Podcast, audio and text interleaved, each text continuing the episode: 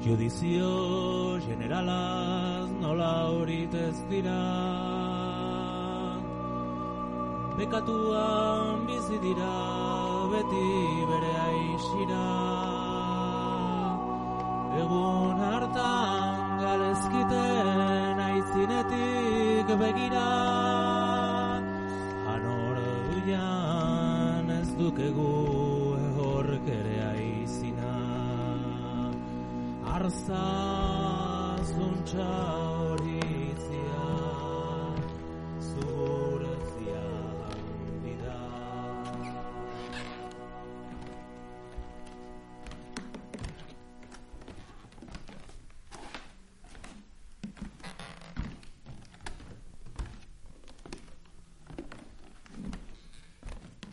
Hola, soy Pablo Marte, ni Pablo Marte Nice, y les quiero dar la bienvenida a un nuevo episodio de Sector Conflictivo. No sé, no sé si podéis escuchar eh, la madera crujir. Estoy caminando descalzo, así, ¿no? Eh, apelando a mí, a mí, a mí, a esa madre hippie. Estoy caminando descalzo por el, por el pasillo de mi casa, porque en esta casa viví durante seis años con Sacha Jauregui que es la artista con la que mantengo la conversación en el programa de hoy. Es un pasillo largo, ¿eh? A ver. Uno, dos, tres, cuatro, cinco, seis, siete, ocho, nueve, diez, once, doce, trece, catorce, quince y dieciséis pasos. Dieciséis pasos tiene mi pasillo. Bueno, Pablo Marte, si lo bueno y breve dos veces bueno, muy breve tiene que ser esto para que sea tres veces bueno, porque, eh, como sabréis, la conversación la, la, hemos dividido en tres capítulos. No me quiero extender mucho, eh, solo decir que esta conversación se grabó hace unos meses eh, a raíz de la exposición titulada Iscora que Sacha tenía por aquel entonces, alrededor de mayo, en Ascunas Centro A, aquí en Bilbao. Eh, y por tanto ya veréis que parte de la conversación, sobre todo en el primer capítulo, gira en torno a esa expo. Bueno, por otro lado, y como me hace mucha gracia esto de los ríos que pasan por las ciudades que no son, aprovecho que el Guadalquivir pasa por Segovia y el Nilo por Bilbao para añadir algunos detalles biográficos de mi querida amiga Sacha. Eh, Sacha Jauregui aparece en todas partes como artista de Hernani, pero, importante, es nacida en Brasil. Eh, ha expuesto en muchos sitios. Preciosa fue, por ejemplo, la de los brutos en Artiach, en Half House en Barcelona, donde estuvo de residencia, en Taca, en Palma de Mallorca, en Carreras Mújiga, aquí en Bilbao.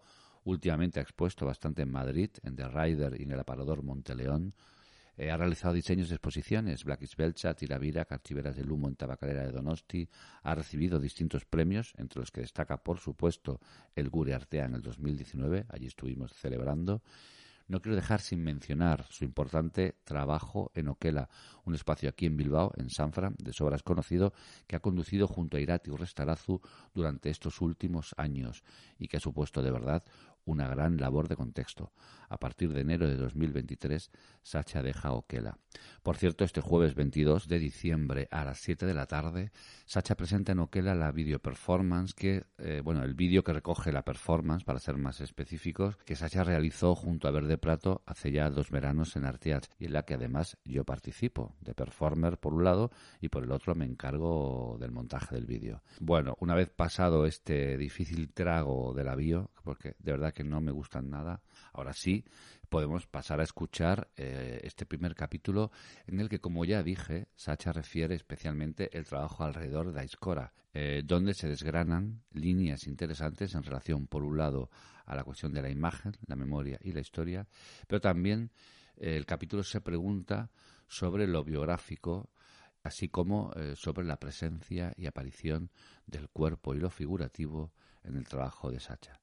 Sin más dilación, doy paso a este primer capítulo que se titula El huevo de la serpiente.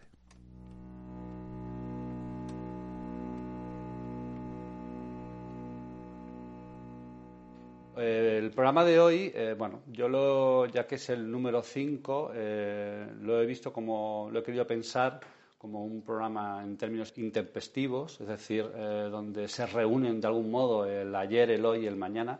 De hecho, creo que ese será el título de, del programa, no lo sé, a ver a qué, qué depara la conversación. Pero sí que es cierto que, bueno, que en, él intervendrán tanto una sección precedente que, conversamos Sacha y yo y dos momentos concretos eh, que van a tener lugar, que es por un lado un diálogo a partir de una serie de imágenes y por el otro algo que tenía yo muchas ganas de hacer y que creo que contigo eh, bueno, es mejor, mejor no, puede, no puede ser, que es esta cosa tan radiofónica y, em, tan clásica de preguntas del público. Así que eh, asistiremos, eh, bueno, a ver cómo lo hacemos en términos técnicos, pero asistiremos eh, a preguntas en estricto presente del público sobre tu trabajo. Bueno, no te he saludado. Hola Sacha, ¿cómo estás? Hola Pablo.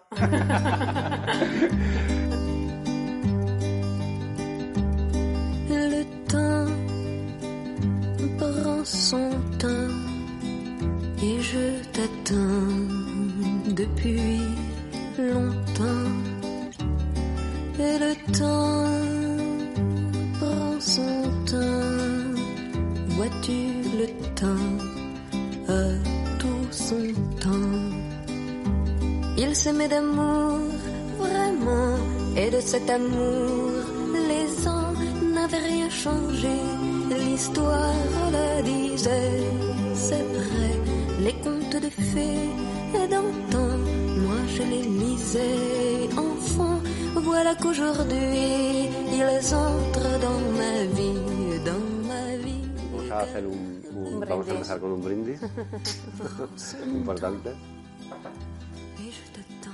Bueno, y qué, qué, qué, guay que podamos hacer esta conversación, que no sé, a mí me, me hace mucha ilusión, la verdad. Porque hemos hablado un montón de veces. Sí, muchas veces.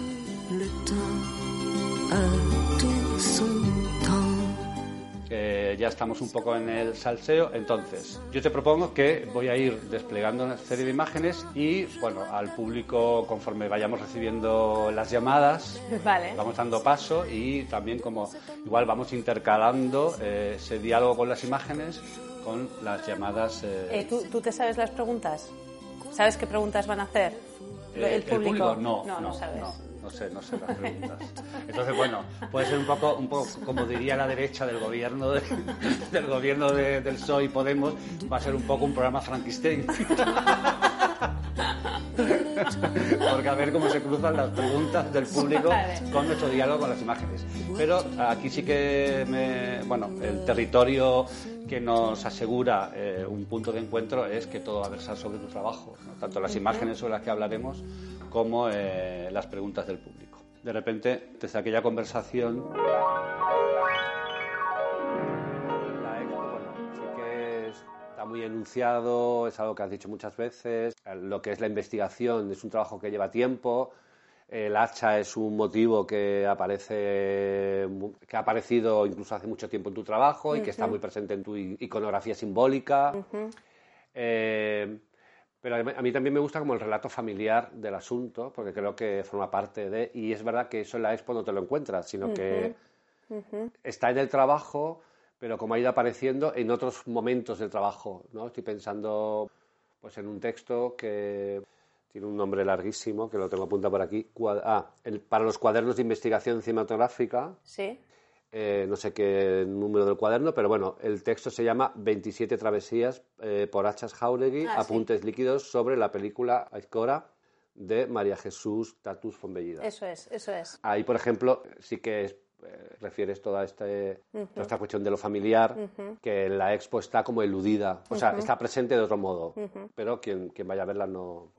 Sí, bueno, eso es un texto que me pidieron desde, desde Cinescola de Tabacalera, eh, de Elías Querejeta porque estaban digitalizando las películas de una cineasta amateur que se llama Tatu Fonbellida y que finales de los 70 y principios de los 80 eh, ella grabó, hizo pequeños reportajes de diferentes piezas de artesanía vasca. Y en 1980 eh, grabó, filmó El taller de José Ramón y bueno, pues aprovechando que estaban digitalizando, querían darle como una especie de marco a ese proceso que estaban Em, desarrollando en Tabacalera y entonces me pidieron que hiciera el, texto. Entonces, claro, para mí era como, tenía como muchas ideas fragmentadas en mi cabeza, ¿sabes? Y, cada idea era bastante corta. no sé cómo decirlo, o sea, me- se me hacía como difícil pensar en Como un de- desarrollo... como ideas que tenía un recorrido Exacto, sí. de es- habitación en habitación. de casi. habitación, exacto, ¿no? O sea, pues por ejemplo, había una idea que era una como una imagen mental que era eh, pensar en las perversiones de la escala del hacha y pensar en una escala eh, más pequeña que su funcionalidad como hacha, que puede ser un souvenir, que es el souvenir que he visto en casa de mi abuela de los talleres de José Ramón, que él repartía a sus Que clientes. José Ramón es el primo de tu padre. ¿no? Exacto, eso es, ¿no? Entonces él tiene sus souvenirs y tiene sus obsequios para los clientes. Entonces ha- hacía como miniaturas de hachas clavadas en, un- en- en unas maderitas, ¿no? Entonces, por ejemplo, estaba esa perversión mini y luego estaba la perversión maxi, que era igual, por ejemplo, la, el monumento al desarme de ETA que había hecho Coldovica Jauregui en Bayona, ¿no? Entonces, vale, me venía esa idea. Pero luego también me venía pues otra idea que no tenía nada que ver, que era que, eh, que José Ramón contaba que el- su padre, que era, porque José Ramón es tercera generación de, de De hacheros, eso es, de hacheros, eso es. Pues que su padre flipó con Tatus Fonbellida, ¿no? Porque mm, cuando fue al taller a grabar, pues claro, ahí hay mucha chispa, y hay que decir, el fuego es un material como que es tan, tan, casi tan importante como el, como el hierro, ¿no? Como el acero y que cuando le salpicaban las chispas ella no se inmutaba y seguía grabando, ¿no? Había Claro, que ella, grababa, ella grabó en cine. Exacto. O sea, ella, esta película la hace en qué año más o menos? 1980. Ah, 1980. Vale, vale, vale. Ella no era, o sea, era cine, cineasta amateur. Ella profesionalmente era maître de un restaurante de rentería que se llama Planer, eh, Paner, Paner Fleury, bastante como famoso, bastante caro, supongo. Ella estudió como con cocineros de lo que fue la nueva escuela vasca, con Arzá, con Subijana, con todos esos. Sí, la foto es como la única mujer que aparece y es la única además que no se dedica directamente a la, la cocina, sino a la gestión de la cocina, ¿no? ¿Y ella, eh, ella tiene más películas aparte de la de Escora? Sí, Ah, también tiene eh, a la mamía, que es eh, cuajada, a, los kaikus, eh, que es como una especie de herramienta. ¿y son todos como procesos industriales? Eh, son o procesos artesanales. artesanales. exacto. O sea, hay como eh, una resonancia muy bonita que es como que ella contaba cómo se hacían los platos del restaurante con, con mucho cuidado, con mucho detalle, ¿no? Y que los, los clientes le decían, joder, ¿cómo se nota que te gusta cocinar? Y ella no había tocado un, un Plato. plato en su vida, ¿sabes? O sea, quiero decir, ella no tenía ni idea de cocinar, cero. Pero la cosa del, del relato de- de- del proceso artesanal, tanto en la cocina como en, en otros ámbitos, ¿no? O sea, eso me gustaba.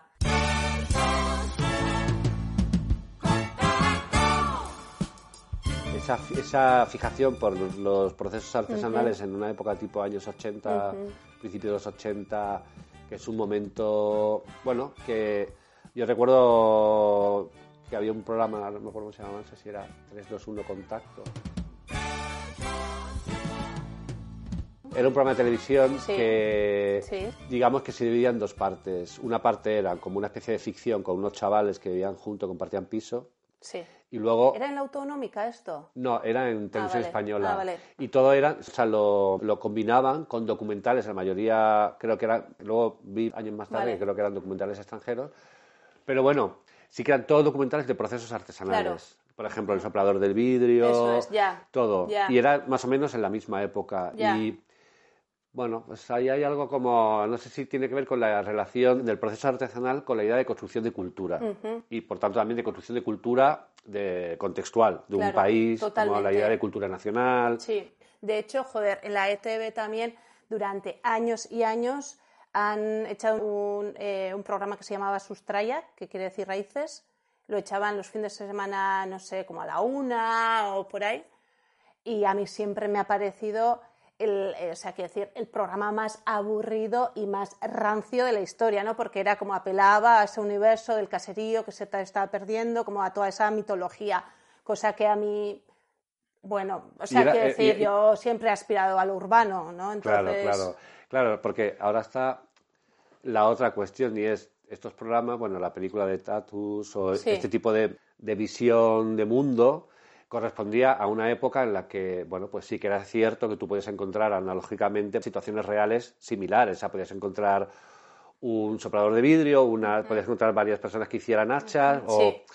¿no? Es decir, que el mundo se parecía a esa aspiración de mundo que suponía el film, ¿no? A esa relación entre lo artesanal y la cultura. Pero hoy me pregunto, y te quiero lanzar la pregunta a ti, por como también he leído que, que muchas veces pues en algunas entrevistas son como que había algo interesante para ti que era el parangón entre la práctica de trabajo del primo de tu padre, José Ramón, y tu propia práctica, que había algo ahí como interesante, morboso, como de ver, bueno, de, de, parangonearlo, de situarlo en el mismo contexto, a ver qué ocurría, ¿no? Él haciendo lo suyo y tú haciendo lo tuyo, como en el mismo campo de trabajo.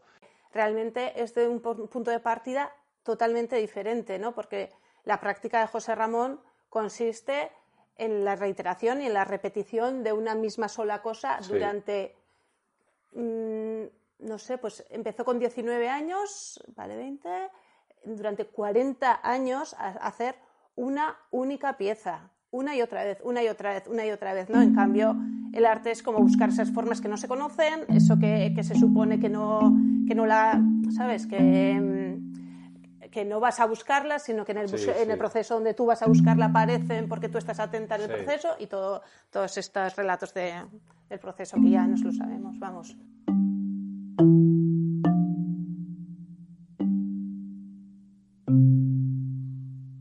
Entonces me preguntaba qué ha, sustituido esa construcción de mundo, pero igual es una pregunta que también se nos escapa un poco de... Claro, no, yo creo que tiene que ver con el momento simultáneo donde se está dando la pérdida. O sea, quiero decir, ahora ya lo hemos dado por perdido y ahora si se rescata es como casi desde bueno, pues también igual desde un sitio como bastante burgués o tal, de repente alguien coge y no hace jerseys con lana del hacha, de no sé qué, y cada jersey cuesta 400 euros y tal y cual, ¿no? Pero justo ese momento igual era el momento de pérdida, entonces estaba, ¿no? O sea, igual se estaba intentando como subsanar desde, desde el registro aquello que ya se, se, veía inminente que se iba a perder o algo así, ¿no? Claro, claro, claro, claro, claro. Sí, no, de hecho es verdad que los 80, por ejemplo, tienen como que es una década que, anticipa el, fin de la historia. o, sea, como que hay mucha gente que empieza a hablar de la muerte del cine, entra el vídeo, o sea, que sí que hay como una sensación anticipatoria de final.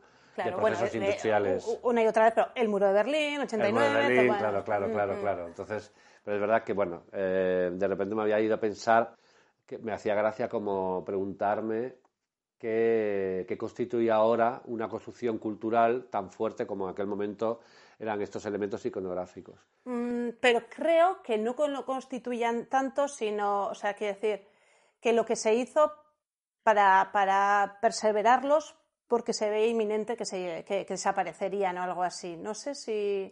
Ya, ya, sí, no, no, como una imagen, como la idea de conservación. Sí, Claro, pero eso estaba, esa idea, esa conservación también estaba unida a una, cuando digo de cultura, también cuando digo idea cultural me refiero como a una construcción nacional, como de país. De, o sea, no lo digo, por supuesto que tiene, que es una cuestión política, pero no me refiero únicamente a eso. No, me refiero a una idea de nacionalismo, sino a una idea de cultura, de nación, de algo. Voy a hacer un salto un poco raro, pero porque es un tema que me interesa y en parte tiene que ver lo acabo de pensar ahora mismo, ¿eh? porque de repente al intentar hacerte la pregunta, eh, este baile extraño de que constituye ahora la cuestión de cultura, baja de las abstracciones Pablo Marte. no, pero hay algo que me interesaba mucho y que, y que es también como una de las preguntas que tengo en relación a la expo y mm, por varias cosas. Voy a empezar por lo más concreto que es cuando hablas de la escultura eh, del desarme, esta de... Sí, de Jauregui. De Coldovica Jauregui, eh, hablas en términos como de, no imagen.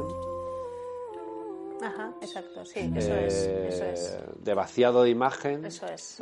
Y, de hecho, en alguna entrevista llegas a decir que te parece curioso que el desarme, el desarme en general, o este tiempo de desarme, es característico de carecer de imágenes. Exacto, sí. Sí, o sea, a mí me, había gustado como eh, contar a través de este instrumento tan concreto que es el hacha, ¿sabes? Como un poco la deriva eh, simbólica e imaginaria de, bueno, lo que ha sucedido en el conflicto político vasco y, la historia reciente de, violencia y de, todo este guirigay en el que hemos bebido y en el que, vamos, mm, yo he crecido de alguna manera hay, eh, como decía Oyer también en su, Oyer en su entrevista, también siento que tengo como una especie de cuenta pendiente, un ajuste de cuentas, ¿no? Con, con todo eso, porque realmente es como reconocerlo, como decir, hostia, esto fue Heavytron, no tanto, y, y- igual voy a sonar como muy, muy superficial, pero mira, me dedico al arte, entonces yo voy a analizarlo desde el ámbito eh, de, de- de- de mi expertez. y es a nivel de imagen, o sea, que fue Heavytron, obviamente, y voy a aquí eh, poner una esto, y no hablo de sufrimiento y de papá, sino hablo de, convulsión a nivel de imágenes, o sea, que fue como, fueron muchos años donde se reprodujo muchísimas imágenes, o sea, no es, no es, eh, no es casualidad que Erri Batasuna tenía eh, en su plantilla cinco diseñadores gráficos. No eran subcontratas, eran otro tiempo, ¿sabes? Y el diseñador gráfico y Johnny Diegoras tenían el mismo sueldo, ¿sabes? O sea, quiero decir, que la, genera, el- el- la idea de generar imágenes y además sabiendo que las imágenes tenían eh, muy poco recorrido porque esas imágenes se iban a borrar, se iban a quitar, ¿no? La idea de, de las pegadas eran como Sí, una que- acción, eh, como de acción directa, casi tan importante como reunirse en asambleas, ¿no? Ir pegando carteles, todo el tema como de las de, de, de las pintadas, esta, ¿no? esta superposición de, de rastros de imagen que sucedían en, en- en el disfraz arquitectónico de la ciudad, ¿no? donde todas las paredes se iban como...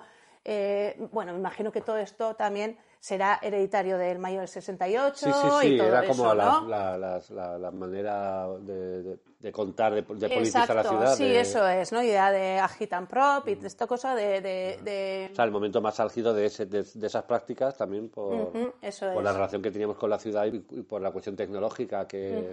O sea, que no había, no estaba la red, ni Exacto, internet, ni eso es, no- eso es, ¿no? Y de- como la incidencia en la, en la reproducción de la imagen.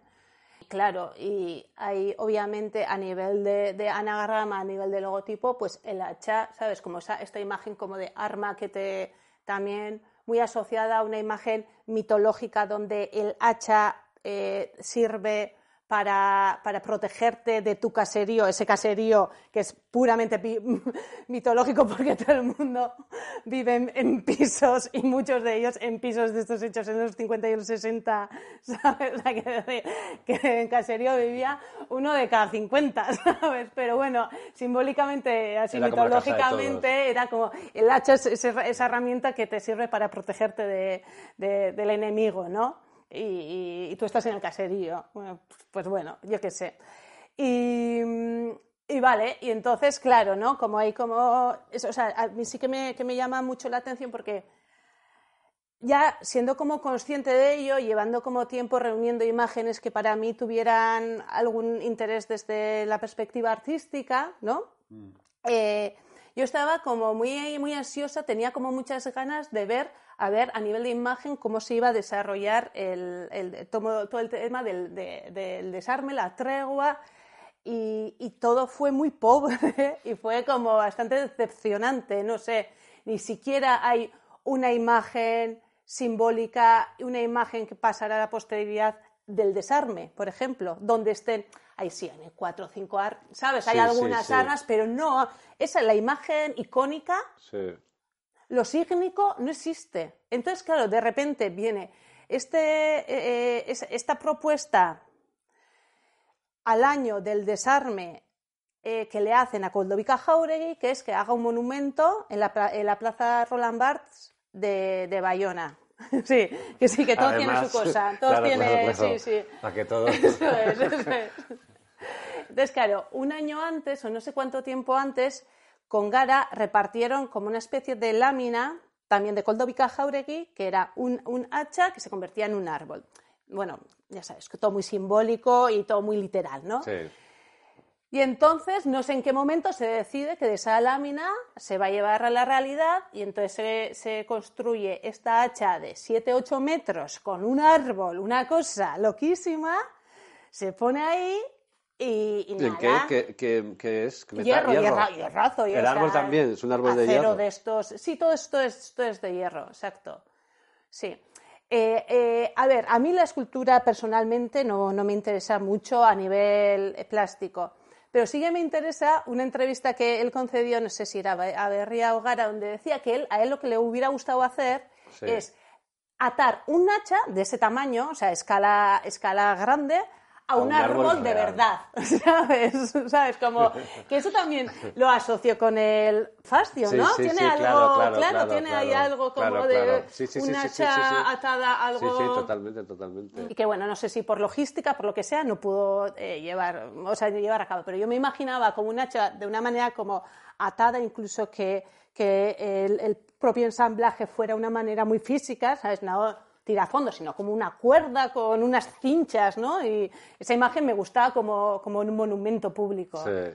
O sea, que, que había como una teoría que es bastante especulativa y delirante, que es como que la imagen después de la tregua es un hacha sin serpiente o algo así, ¿no? Mm. Claro, o sea, quiero decir, lo orgánico... Pero eso no estaba en la propuesta. O sea, él no pensó la Ah, no, no, eso, eso lo, lo, lo- se me- o sea, Vale, vale, lo es una yo. tuya, vale, vale.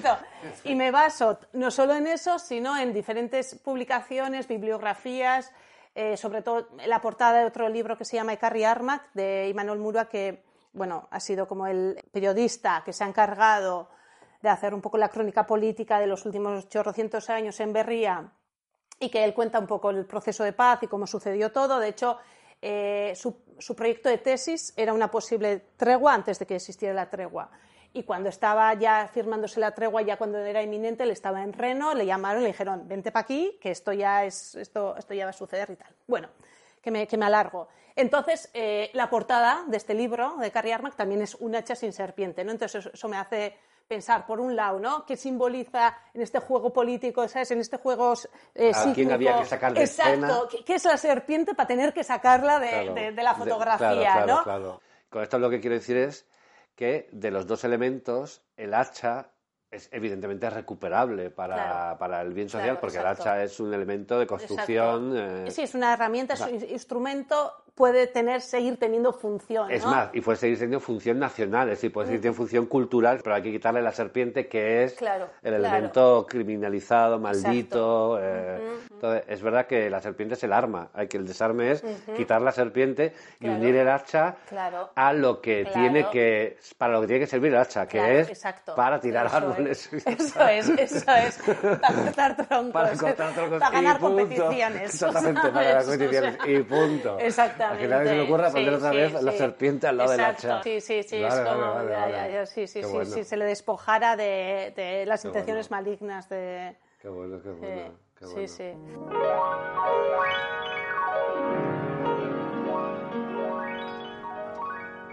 Hablabas del, del Sí, del Sí. monumento de Koldovica Jauregui. de Coldovica Jauregui, que estaba en, en- como era, en la plaza Roland Barthes. Eso es, Bayona. Sí, sí, estaba, no, no se supo muy bien cuánto duró, pero fueron creo que días o semanas. y luego desapareció misteriosamente. Bueno, misteriosamente creo que la versión oficial decía que tenían que hacer excavaciones arqueológicas, pero probablemente habría otra, una motivación más política que Vale. esa circunstancial, porque si no, o sea, no, no generas este despliegue de, de poner este hacha de 60.000 metros ¿sabes? y de 50.000 toneladas en medio de una plaza, ¿sabes? Claro, claro. Sí, es un hacha, describiré un poco para, Sí. para la gente que no haya podido, para, para los oyentes, ¿no? Es un hacha Invertida, invertida, exacto. eh, con, con el haz del hacha sobre un... bueno, Sobre una peana, una sobre pequeña una peana, plataforma. y eh, en la parte superior hay lo que sería la copa de un árbol, Exacto. bastante cerrada. Eso es. De eso hecho, es. a mí, haciendo un plano concreto de la copa, eh, ya, te, me, parece más, ma- te resulta más interesante, ¿no? me resulta más Claro. interesante. De hecho, eh, me parece Claro, un es huevo. verdad. Bueno, esto es el huevo, el huevo órfico, que bueno, habla de la creación del mundo y que es un huevo con la serpiente, que me parece que también. ¿No? Entonces, a mí la- el, el huevo me recordó una película de Berman que se llama El huevo de la serpiente. Mm, qué bueno. Sí, el huevo de la serpiente, bueno, era un dicho que se puso muy de moda a partir de la película, o no sé si alrededor de ella, en los años 70, y que tenía que ver con que tú veías el huevo de una serpiente y, y en ese momento te parecía algo frágil o te parecía que la cosa que estaba dentro era como una cría, entonces no atendía a ella, pero luego cuando estallaba lo que salía era el... Bueno, me gustaba como en relación a esa no imagen que, de la que hablabas, como desde la... Desde nuestra actitud o nuestro, si- nuestra situación como, como trabajadores de la imagen, lo que significa, ¿no? Como esa especie como de generación. Entonces me hacía gracia que igual eh, la falta de imagen lo que termina es generando una explosión de imagen en una posteriori o algo así.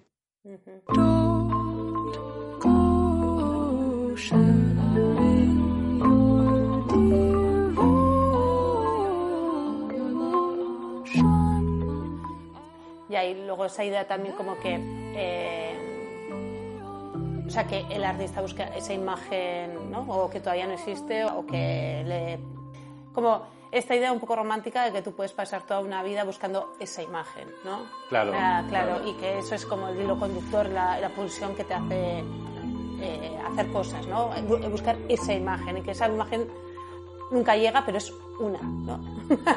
no sabes, no nadie sabe cuál es, ¿no? Pero, pero es una única imagen y tú te Claro. pasas la vida buscándola. Claro, ¿no? de hecho a mí me parece como también muy curioso que en un momento en el que aparentemente, bueno, y a nivel de cantidad eh, se, hacen, se producen más imágenes que nunca, pero a nivel sígnico, semántico, eh, puede haber la sensación, eh, contextualizada si se quiere, pero bueno, no menos importante por ello, de una carencia de imágenes, ¿no? Como Claro, que eso claro. me parece, esa paradoja me parece Claro. como interesante. Entonces pensaba como en la concentración de ese potencial en una suerte de huevo de la serpiente Ya. o huevo órfico o algo que... Claro, claro, claro que aquí para los oyentes, pero que no, que no lo están viendo, pero justo en el cartel de la, de la peli de Berman dice, bueno, como el título así como que incita al espectador a ver, dice, eh, el huevo de la serpiente y luego la clase de terror que nunca existió, ¿no? Entonces también, ¿no? La cosa es de buscar eso que, que no Total, existió, total. ¿no? Entonces, eh, voy a poner estas dos imágenes. Bueno, eh, también he añadido unas imágenes de, de una de las piezas de la exposición de Aizcora, la más grande, por así decirlo, y también un poco, según comentabas el otro día, la más, bueno, eh, como a priori, la más extraña un poco, Sí. ¿no? Por, por, Sí, por- por si lo estamos- roto, por, por ¿no? Las grietas, el color, que, ah, eh, y bueno, y luego también que la energía de las cosas, yo que sé, que también trabajar con los objetos y con la materia tiene eso, ¿no? Como que ahí sí que parece que está ocurriendo algo que está todavía por ver, o sea, los tiempos de esa, de la presencia de esa, de esa gran cosa son muy, no todo ocurre en presente, parece como que, que hay algo que está por venir. Total.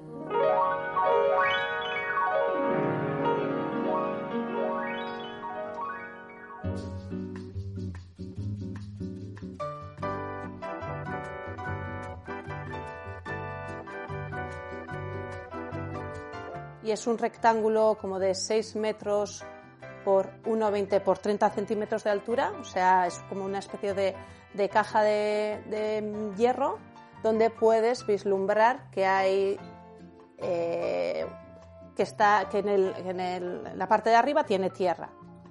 Eh, una tierra rojiza como si fuera un ladrillo así triturado. Entonces según te acercas a esa pieza según vas cruzando esa sala que es una sala de, lobby de, nada de pasillo eh, ves que en, en esa tierra informe vas como ya detectando ciertas formas concretas y te das cuenta que son los moldes, bueno, esto no sé si te das cuenta o no, pero, Pero por lo bueno. menos son eh, los negativos de los moldes eh, que José Ramón tenía en su, en su taller y que servían a la fundición para hacer las piezas de, de- de las hachas. En una pieza, como dijo Nadia, post-minimal. Bueno, luego me dirás qué significa esto de post minimal. No, me imagino que por la rectangularidad y como la definición de las formas y así, ¿no? Me, pero me hizo mu- mucha gracia porque, o sea, de repente asociar mi trabajo a algo que tuviera que ver con cualquier cosa post-minimal ya. ya me, me hacía bastante Ya. gracia por lo, por lo lejano, ¿no? Que- Claro, claro, claro. Sí, eso es.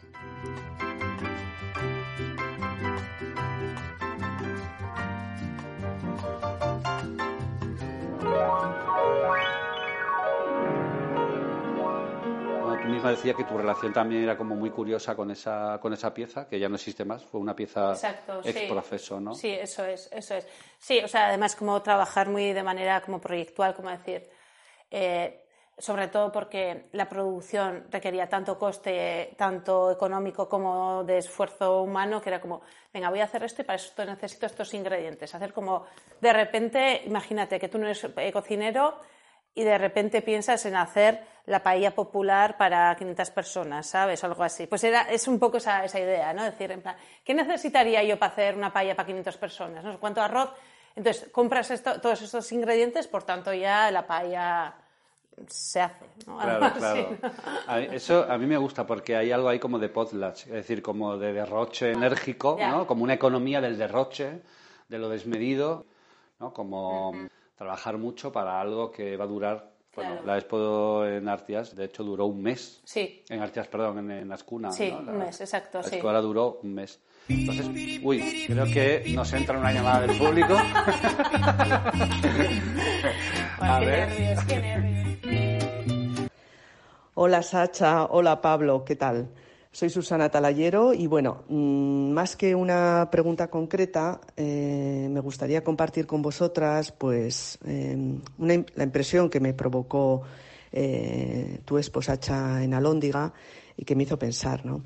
Bueno, mm, no sé muy bien por qué, pero lo que me atravesó visitando la expo fue bueno, a ver si lo digo bien, como me atravesó como, como un ambiente de civilización antigua.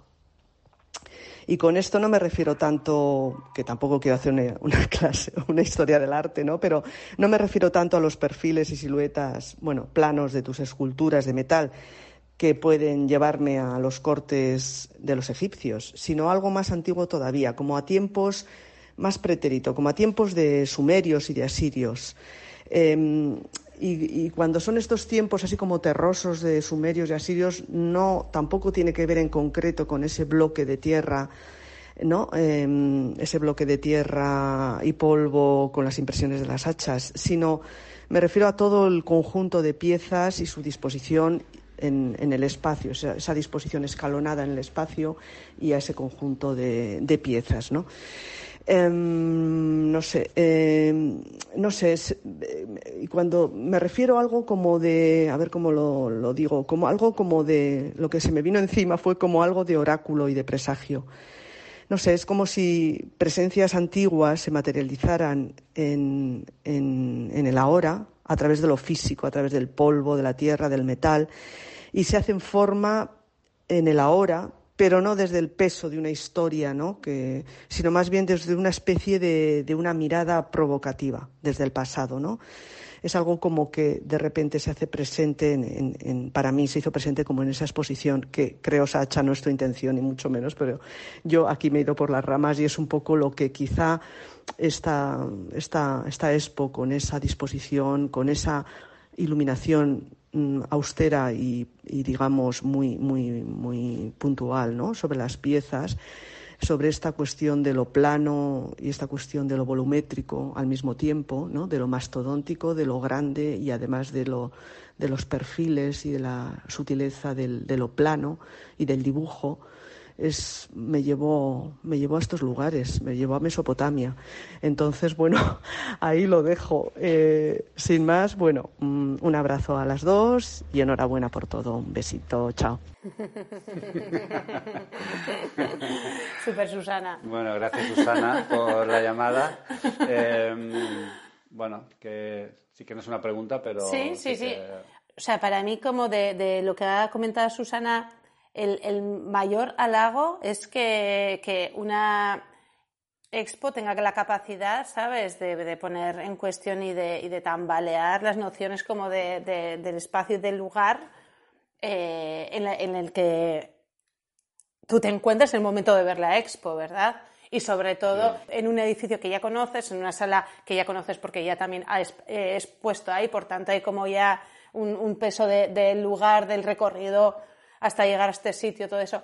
Y, y bueno, o sea, es como súper bonito lo que ha dicho en ese sentido, ¿no? Como poder em, deslocalizarte y desespacializarte. La pregunta a mí también me invita a, como a comentarte algo que que he leído estos días, pero que formaba parte de las inquietudes que me pasan con tu trabajo y que tienen que ver con, con, un poco con la misma pregunta que se hace Susana, ¿no? No tanto con una relación con el pasado, no tanto con formas del pasado que como desde el mito o desde la historia que sobreviviesen, pero sí eh, hay veces que me pregunto cómo es posible que ciertas... Em, me pregunto en torno a la relación de tu trabajo con los arquetipos, con la idea de arquetipo, es decir, con la idea como de, universales, ¿no?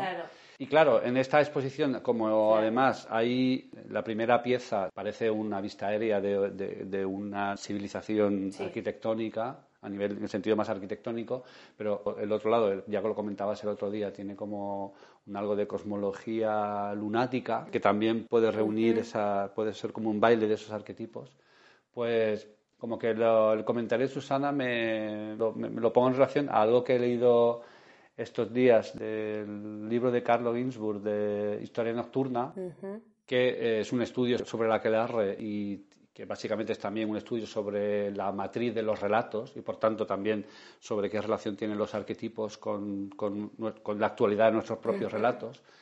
Y, y Carlo Ginzburg dice algo que creo que es interesante en relación a tu trabajo y es eh, claro, él no apoya su estudio en los arquetipos, por ejemplo, en esta cosa junguiana de la figura de la madre o ¿no? de la gran madre o la figura de, no sé, como en estos universales, sino que él se pregunta un poco, siguiendo a Benjamin, si no será que esos universales descansan al fin y al cabo en experiencias físicas corpóreas, es decir, en una percepción que eso sí que es muy concreta de cada uno con nuestro cuerpo y que ese cada uno con nuestro cuerpo sí que se ha podido repetir a lo largo de la historia e incluso en el mito. Como, eh, y entonces, como que Ginsburg hablaba quizás más como de un arquetipo a resultas, como resultado de, una experiencia que no por singular no deja de ser colectiva y, eh, transhistórica, que es la experiencia corpórea.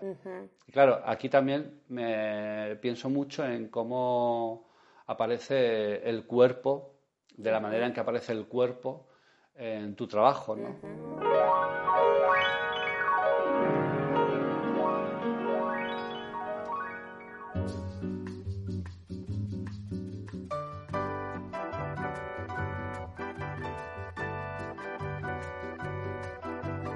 Entonces ya mientras te vas acercando y vas como ya identificando las formas concretas de los moldes de las hachas, a mano derecha primero te encuentras con un mueble que sirve como de dispositivo donde eh, las piezas hechas eh, con hachas y en hierro y en metal se disponen a diferentes alturas, otras piezas en el suelo y si giras un poquito más a la derecha te encontrarás con tres máscaras que están dispuestas un poquito más alto de, los ojos de las máscaras, un poquito más altas que, que, la mirada humana. Exacto, por lo menos que mi mirada. Hay igual miradas humanas que sí que pueden llegar a esa altura, pero tienen que ser personas bastante altas. Mi hermano, por ejemplo. Claro, estaba pensando en tu hermano. que mide... O sea, que eso también es curioso. 1,97. Sí, sí, eso es, eso es. Vale, vale.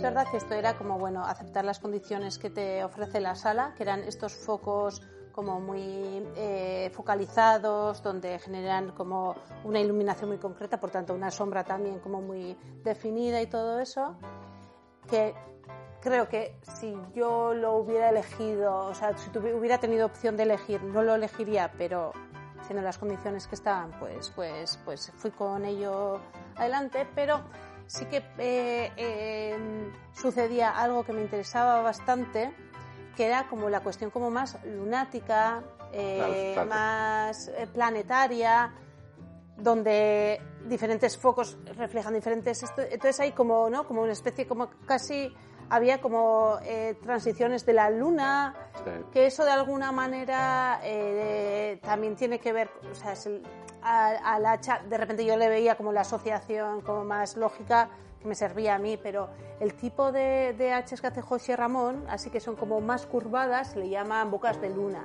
¿no? Entonces de repente había como algo que decía, vale, ok, desde aquí me quedo tranquila, ¿no? O algo así. Guarda que luna, guarda que mare, stanotte senza te dovrò restare.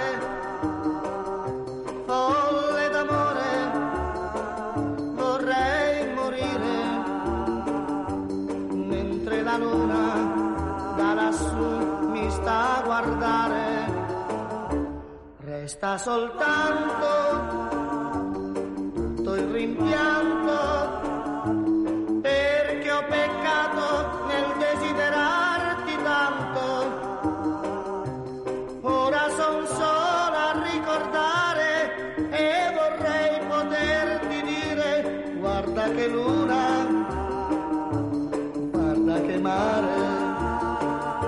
Y, y me, me estoy acordando de, la- de una entrevista que te hacen, creo que en, en- en Diario de Guipúzcoa, que me parecía interesante, donde eh, eh, la periodista te dice, bueno, tú ubicas el hacha en relación a ETA o a la Sí. lucha armada, y, y ella te, te insiste, pero también está el hacha en, en ámbito deportivo, en- Ajá, te lo lleva como a otro lugar, claro.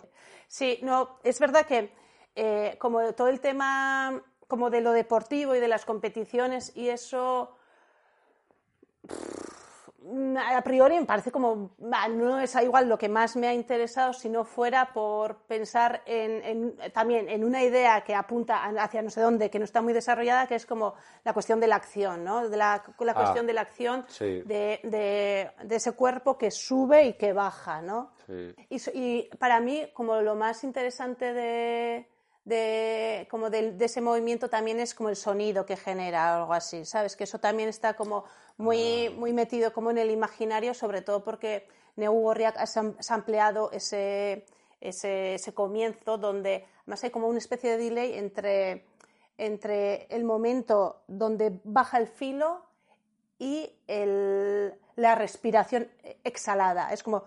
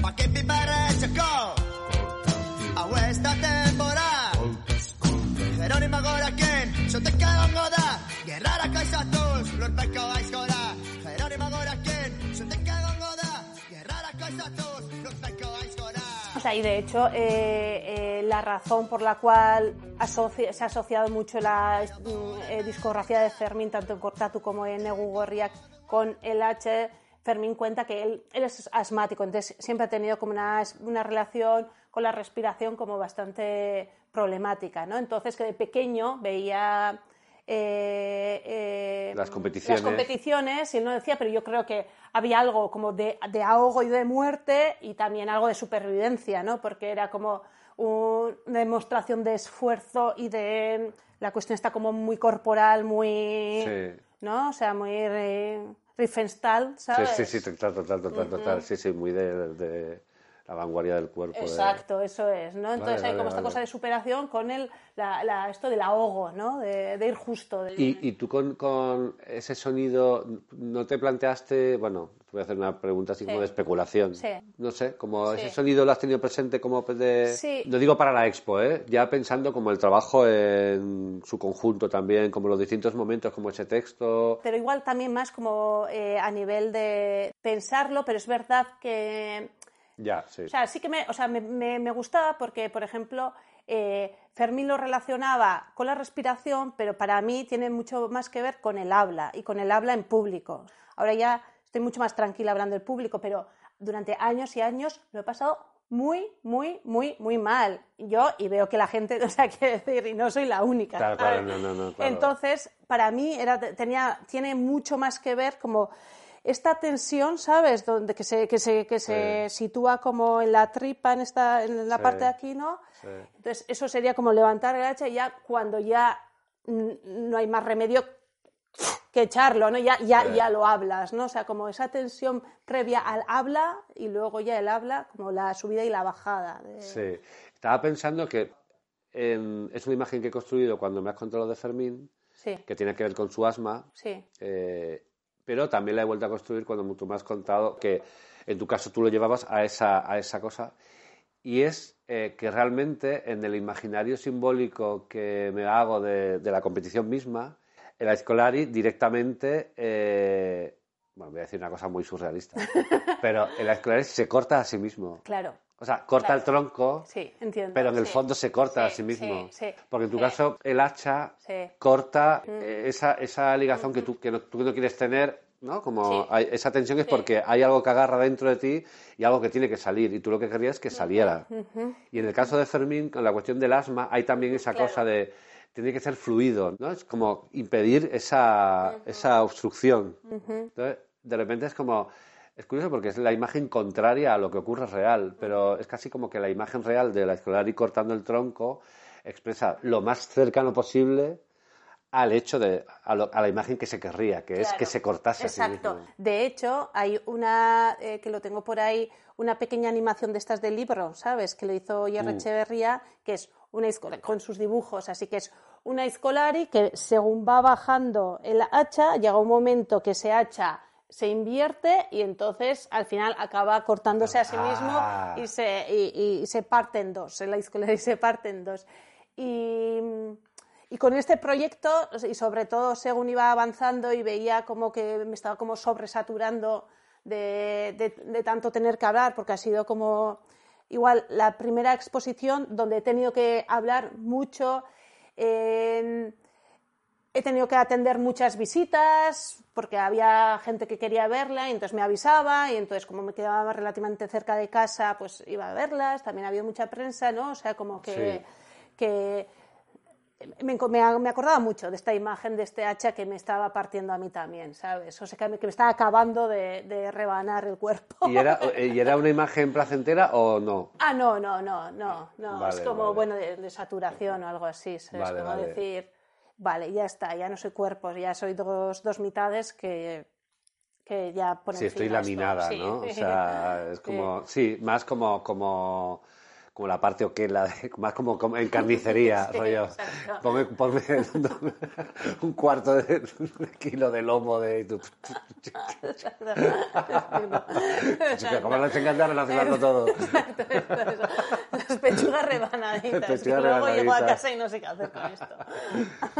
Pues a mí de repente también como que me, no, no lo tenía en mente, pero, pero mm, o sea, como que de repente esa imagen del hacha que se corta a sí mismo, como la imagen de Oyer Echevarría que me has contado, que me parece súper acertada, muy sugerente en relación a esa sensación de la que hemos hablado. Me preguntaba también como por la, bueno, voy a hacer otro salto, ¿eh? Sí, pero sí, sí. digamos, por esta relación con, con- que no es el surrealismo exactamente, pero eh, no es el surrealismo como movimiento artístico, Sí, sino me refiero Sí. al surrealismo como fuerza, como energía, total. Mm. como, como algo que se puede encontrar en la propia imagen, pero no está, no está en las capas primeras, ¿no? Entonces, incluso puede ser como la propia contradicción de la imagen. el, el hacha en la escolar y que la escolar que se corta a sí mismo, ¿no? Como que de repente en tu trabajo hay muchas veces esta pulsión de querer no significar, pero sí, sí, de querer poner esa energía Claro. extraña Sí. en, el, en juego. Sí, claro, claro. Sí, sí, sí, sí. Sí, de repente es verdad que yo qué sé, o sea, no es como algo en lo que tú pienses, pero de repente sí que me ha pasado estos últimos años como de flipármela con piezas concretas de- de- del surrealismo, ¿no? Y sobre todo, justo es que en este proyecto, ¿no? Y al final, en toda la recopilación de las imágenes y el todo, eh, esta- este pensamiento tan situado, tan concreto, tan contextual, tan que tiene que ver con, con la realidad de, de- de donde he crecido, con mi familia, ¿sabes? Todo, todo, son cosas que, que me llevan a la tierra, ¿no? Entonces, eh, eh, he sentido una necesidad como más efervescente que en otros momentos, en otros proyectos, de poder irme a, a otros sitios, ¿sabes? Y poder volar y poder, ¿sabes? Eh, eh, dedicarle más tiempo como a las imágenes caprichosas, como desde una manera casi mm, eh, como adrede o algo así, no sé, ¿no? Adrede en el sentido que buscándola con... Buscándolas, eso es. O, o por lo menos una vez que han aparecido, eh, abrazándolas, ¿no? Y tiene que ver Ah. mucho también No negándotelas, no... Exacto, sí, sí, sí.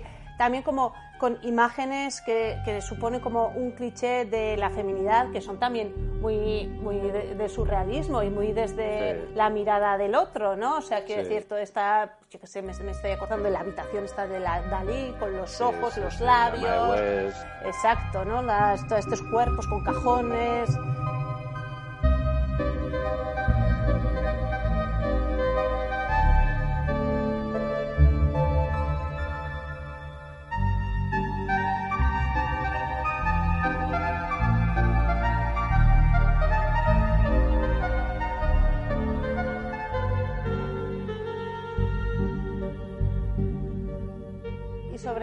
También eh, eh, o sea, que decir, el contexto donde se han hecho las esculturas, que es en el taller de José Ramón, que era, bueno, o sea, quiero decir, todo lo que eh, rodea la cuestión como metalúrgica, eh, del hierro, de, la fun- de las fundiciones, o sea, eso joder, es como profundamente masculina, ¿no? Y Claro. Incluso eh, José Ramón y su, y su entorno, pues es un, es, eh, es un taller que está como en las afueras de, de Urnieta, pero nada, ¿eh? el ayuntamiento está a cinco minutos. Y, y entonces, pero es una zona como de paseo, entonces es un sitio como de tránsito para, para muchos amigos de José Ramón que pasan por ahí, que están jubilados, que se van a jubilar, que tal, que uno le trae chistorra y le dice que le afile la hacha, el otro pasa ahí con los perros y tal cual. Entonces, todo el, el contexto eh, era como súper masculino. De hecho, hace mucho, hace mucho que no me llaman chavala. Un montón. ¿Dónde está la que ¿dónde está chavala? la? Imagínate.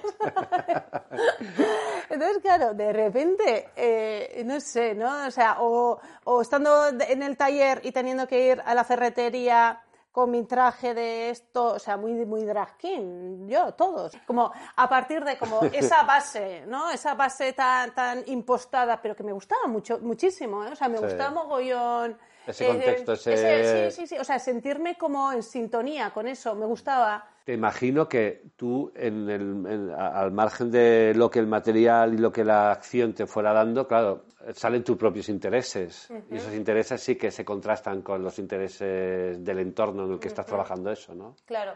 Sí, sí, sí, que no son tan, eh, tan lejanos. O sea, que al final, de la misma manera que yo tengo también una, o sea, una cuenta pendiente con toda- todo ese imaginario que, que, que he visto mientras yo crecía, también tengo una cuenta pendiente con el hacer masculino y con la- el bricolaje, el, yo qué sé, o sea, eh, yo he crecido viendo cómo se hacía también un, un caserío, con- Claro, o sea, claro, claro. eh, mi padre es una persona muy técnica, muy de...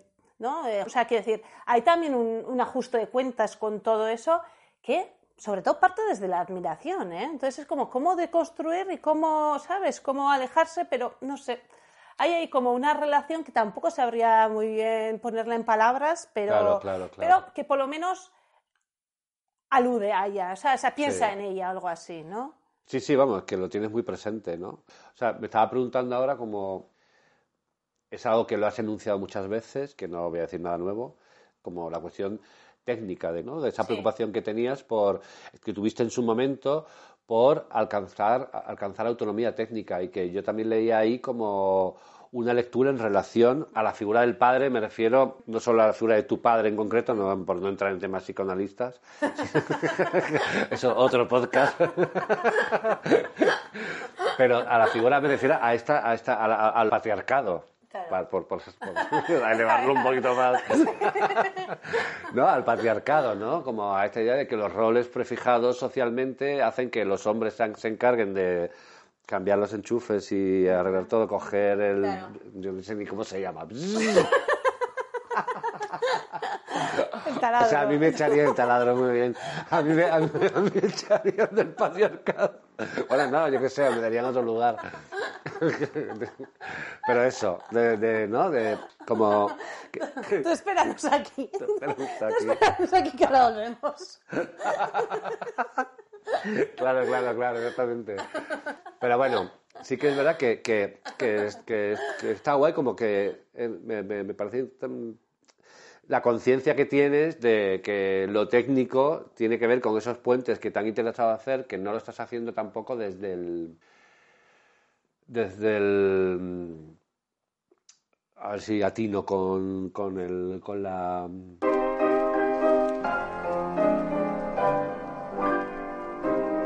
Que no viene desde el miedo ni viene desde... Claro, sí, sí, pero por ejemplo, ¿no? O sea, quiero decir, cuando yo eh, me veo eh, eh, desarrollando como un, yo qué sé, una tarea técnica que tiene que ver con elementos pesados, elementos de riesgo, con fuego, con metal, lo que sea. Y a mí esa imagen desde fuera de mí misma me gusta, ¿no? Pero entonces también me cuestiono, ¿es por, por ese deseo de realmente querer ser tu padre? ¿No? ¿O es ese deseo de saber que tú, desde tu cuerpo, vas a eh, eh, cuestionar a tu padre, ¿sabes? O sea, quiero decir, tú, tú no eres tu padre, tú eres tú. Entonces, quiero decir, eh, es una cosa como de, de- de- conquista del sitio, o sea, o de, o de apropiación del sitio, en plan decir, este sitio no es solo vuestro, también, claro. ¿no? Entonces, ¿desde dónde es, no? Realmente, pues es, sea, una mezcla, Una como mezcla, todo, ¿no? sí, si están sí. las dos cosas planteadas ahí, el deseo, la pulsión, te vendrá probablemente de una cosa como más mimética, más de, de- de admiración, ¿no? Pero, pero el momento en que tú decides cómo corporalizarla y emplearla, pues ahí, ahí entra la conciencia de lo que tú eres, ¿no? De lo que tú eres y de, de- de lo que tu ideología Y de tu propio lugar. ahí. Y de lo que tu propio lugar. exacto.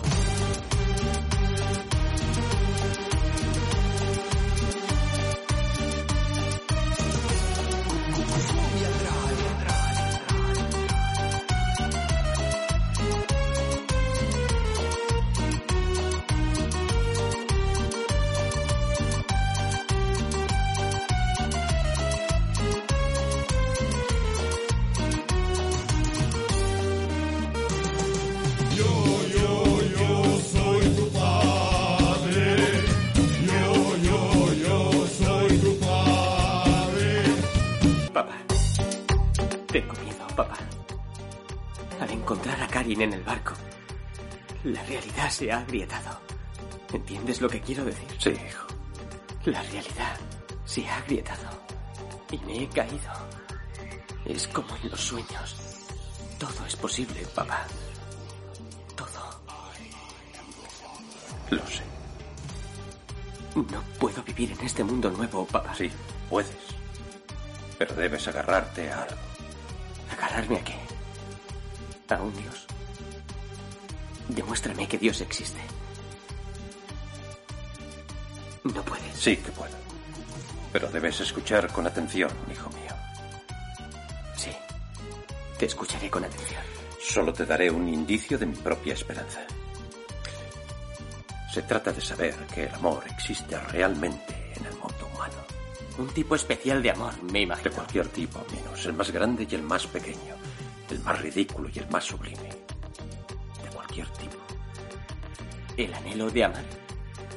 El anhelo y la negación, la duda y la fe. Así que el amor demuestra que Dios existe. No sé si el amor es la prueba de la existencia de Dios o si el amor es Dios. Para ti, el amor y Dios son lo mismo. Todo mi vacío y mi desesperanza defienden eso. Cuéntame más, papá. De repente el vacío se vuelve abundancia y la desesperanza vida. Papá, si es como tú dices, Dios siempre está alrededor de Karin, porque todos la queremos. Sí, ¿Eso la ayudará? creo que sí. Papá, Sí. ¿te importa si voy a correr? No, ve. Nos vemos luego. Por fin papá me ha hablado.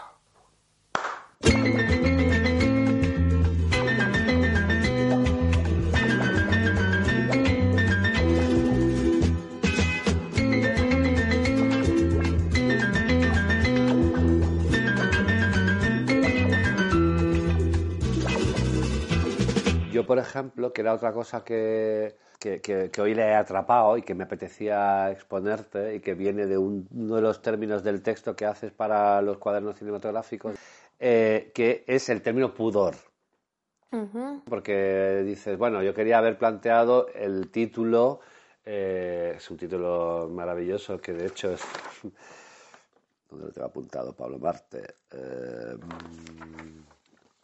el título... No me acuerdo. Sí, sí, sí, te voy a decir, te voy a decir... eh, Mi vida atravesada por una hacha. mi vida atravesada por una hacha. Mi vida ese, atravesada ese, por una hacha. que, claro, que hablaba de una bachata con letras de euskera.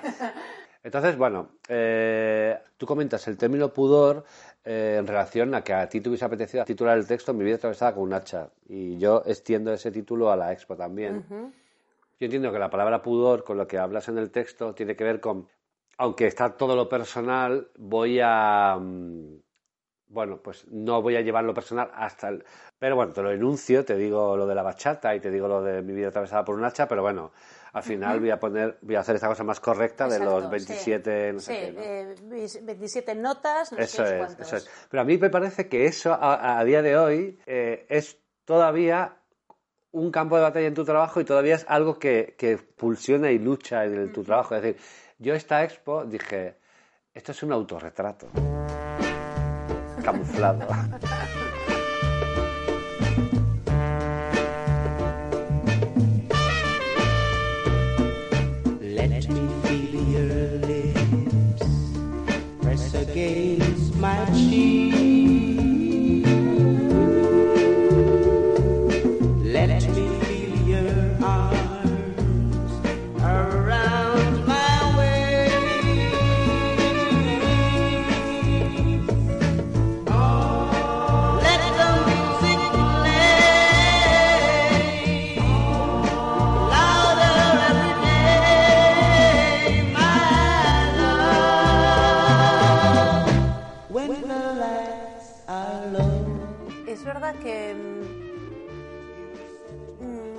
el, el- supertítulo de Mi vida atravesada por un hacha. eh, claro, es como algo eh, que yo por lo menos asocio más como a la literatura, ¿no? O sea, como esto sí que se podría ser un buen título de una biografía o algo así, ¿no? Y me acuerdo de, un amigo que. que se enrolló con, un chico que tenía en la, en la mesilla eh, la biografía de María San Gil, que era en mitad de mi vida, ¿sabes? Porque había cumplido 40 años en, la, en la mitad de mi vida. Era ahí. Y María San Gil hizo, hizo la biografía a los 40 años. María Gil hizo una biografía cuando tenía 40 años y se titula así, en la mitad de mi Y vida. luego en cinco años la echaron del PP y en plan de y la otra mitad no le importa a nadie. Eso es como, ¿para qué haces una biografía a los 40? Bueno, estuvo a tiempo, ¿sabes? Peor hubiera sido no escribir nada, por lo menos. ¿sabes? Ya, ya, por ya, lo ya, menos. No, pero queda la sospecha de... Ordóñez, tal cual, ahí que- tenía cosas queda para la sospecha de que igual si no hubiese escrito la biografía, lo mismo hubiese continuado. Como que la biografía hizo la maldición de que clausuró Sí, su es tiempo. verdad, es verdad. Así como en el cine cuando hay alguien que dice, ahora voy, y ya sabes que nunca va a llegar. Claro, exactamente. No, o, o la maldi- Ahora voy. o la maldición de la retrospectiva.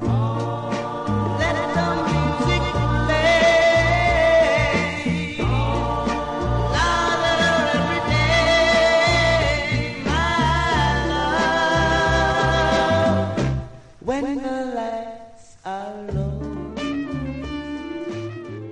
Eh, a ver, supongo que, bueno, obviamente, o sea, no sé, pues si se trabaja como desde, ¿sabes? Como desde una- un compromiso, un corazón y un desgarre, ¿no? Pues, pues sale. Luego también, eh, también eh, mi pudor, mi pudor hacia lo biográfico eh, se manifiesta como de dos maneras, ¿no? Una más heredada, ¿no? La cuestión está de tú te tienes que distanciar, eh, lo, lo sentimentalmente eficiente es una trampa porque lo que realmente lo que vale es algo que tú recibes de la obra de arte que no es la eso, ¿no? La, la efectividad sentimental, tal cual, ¿no? O sea, todo esto que, yo qué sé, luego yo veo Tracy Emin y me, encanta, Claro, ¿no? claro, claro, claro. Pero bueno, hay como todo un constructo también mega heteropatriarcal en cuanto a, a si hay al-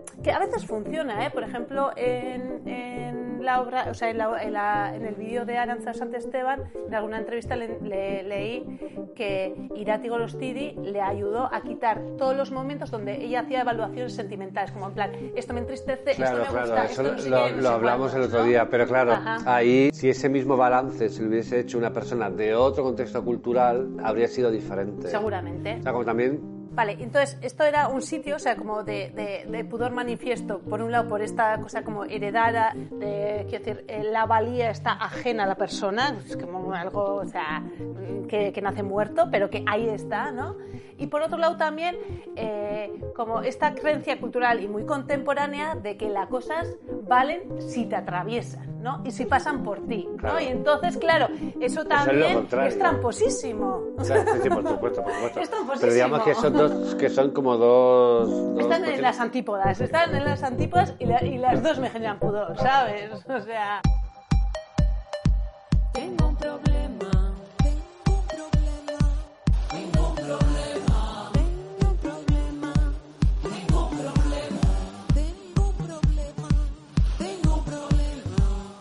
igual que hagas, pero si hablas de, de- de tu abuelo que viene de un, pa- de un pueblo de la Sí. España vaciada, de Soria, no sé qué, unos cuantitos, ya tienes legitimidad de hablar de eso y ya puedes hacer películas. Cuando tú eres una persona burguesa de clase media que Sí. has podido optar a, a- a estudios cinematográficos que normalmente son súper caros, tal cual, y te ha ido bien la vida, pero si tú hablas de- de esa ruina familiar que tú tienes de tres generaciones atrás, pues entonces ya puedes hacer películas, ¿no? Claro, claro. La cosa es que en tu caso no es tanto eso, ese atravesamiento, no sé si forzado, pero bueno, que forma parte como de un discurso contemporáneo que no te interesa. Bien, estupendo, Agur.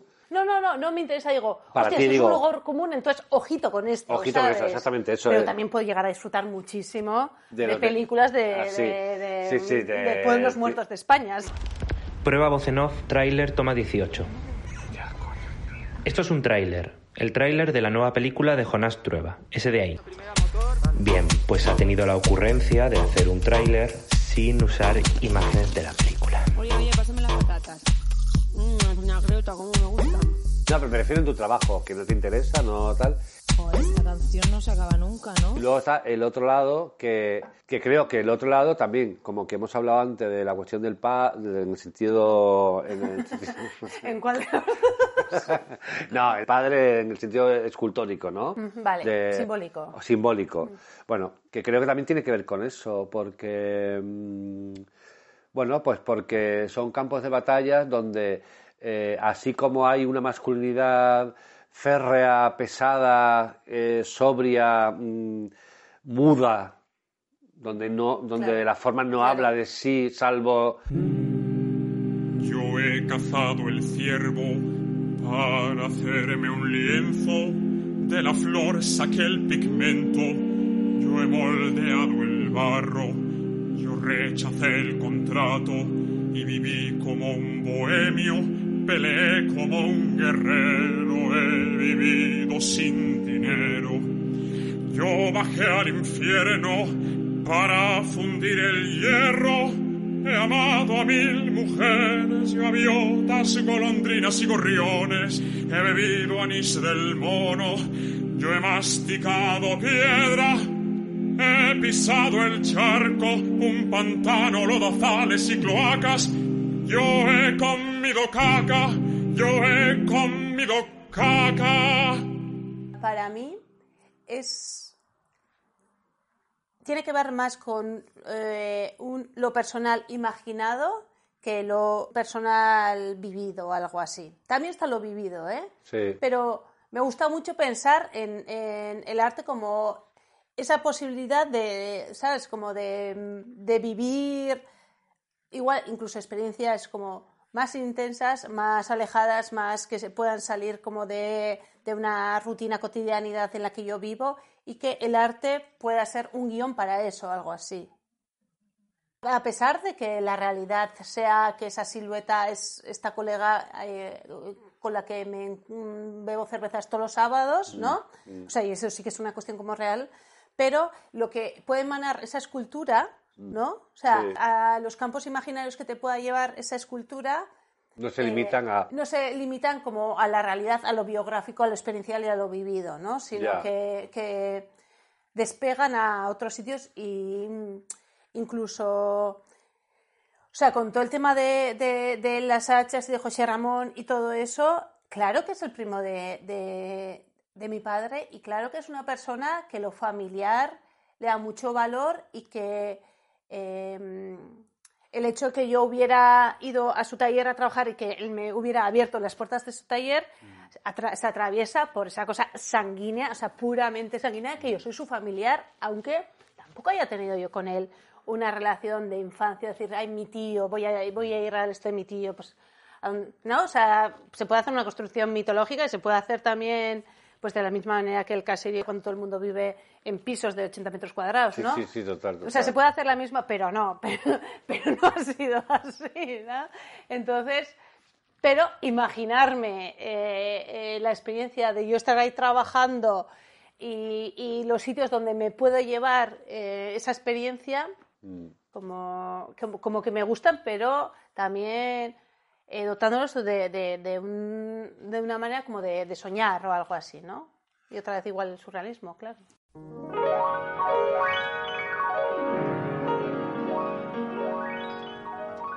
De hecho, eh, eh, las piezas de Artiaz llevan como título el nombre de las personas que te sirvieron un poco de, ¿no? ¿Cómo, cómo? Las piezas de Artiaz no Sí. llevan el nombre de... Ah, ah, sí, sí, sí, las Claro, piedras, claro, sí, sí, claro, claro, digo, la pieza hablando- era hablando la persona cuerpos, fotografiada, es, sí, sí, claro. Que las piezas eran las personas fotografiadas, que las personas que te habían servido de... Claro, claro, claro, de- claro. Pues, o sea, esta es Iranzu, claro. Iranzu, claro, eh, la Alba, sí. Yone, eso es, eso es, eso es.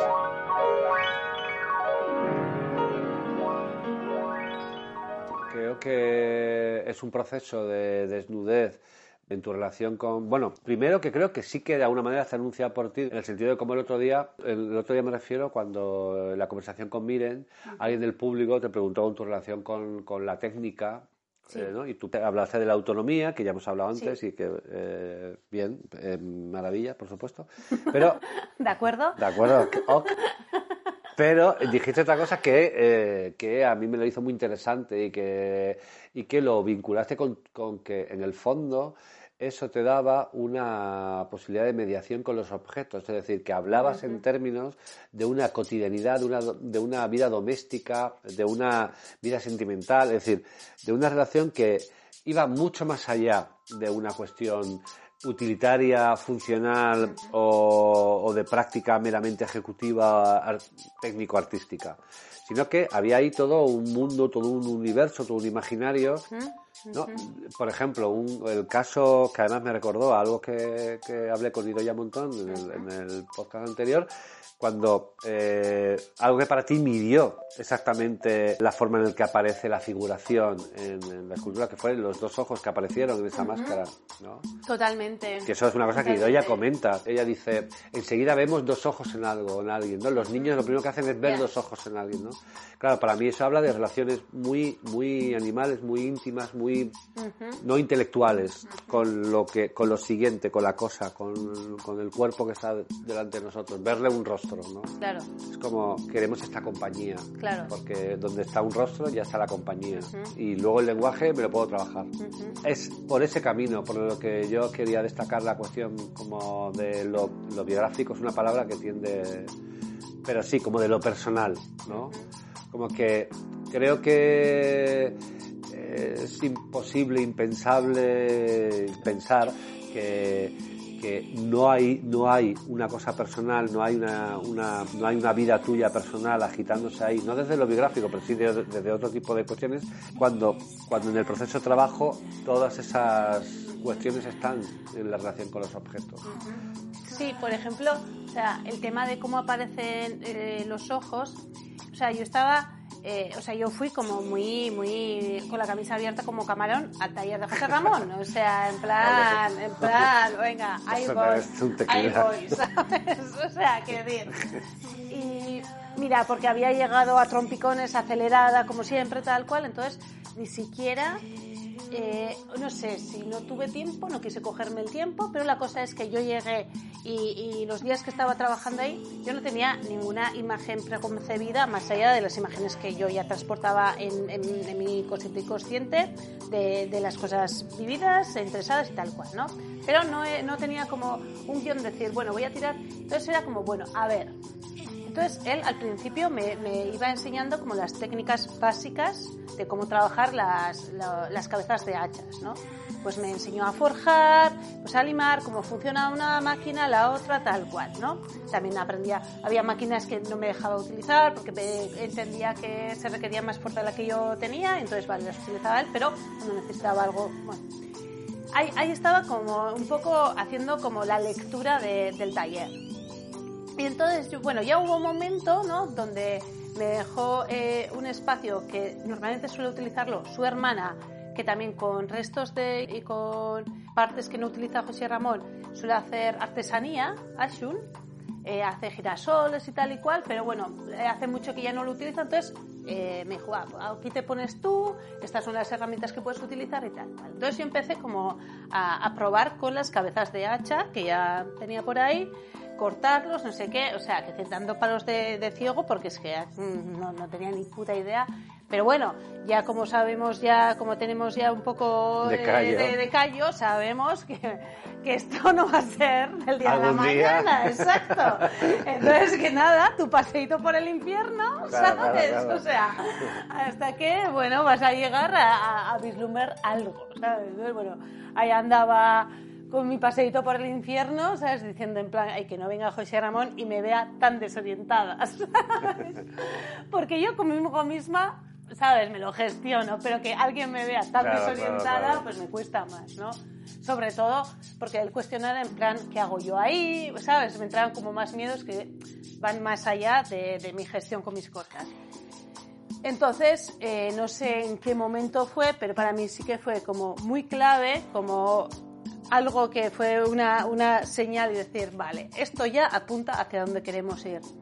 Y que realmente no era un, un sitio nuevo, era un sitio conocido, era algo que ya venía de la exposición de ArtIH y, y de más allá, ¿no? Sí, sí, Pero sí, es como que de repente cogí una cabeza de un hacha, al forjarla, digamos que la punta se, se, eh, se giró, eh, hizo como una curva, corté esa hacha en sección, entonces dieron como una especie de dos ojos, eh, como dos ojos, gafas, de esas como de los años 50, algo así. Entonces de repente llegar como a ese elemento y decir, "Buah, tú eres el puto puente, tú eres el puente entre todo esto que me rodea, que es hostil por ahora y ese sitio donde ya no lo conozco, donde yo ya, ¿sabes? Buceo a gusto, que es como todo el- toda la cuestión como del, de, de la cosa así como más sensual, digamos, ¿no? O sea, como sensual, además como sensual, no una sensualidad rebuscada, sino una sensualidad de, de sitios comunes o algo así, ¿no? Y, y para mí eso fue como muy clave, de, de ver esos ojos Claro, maquillados, claro, ¿no? claro, claro, claro.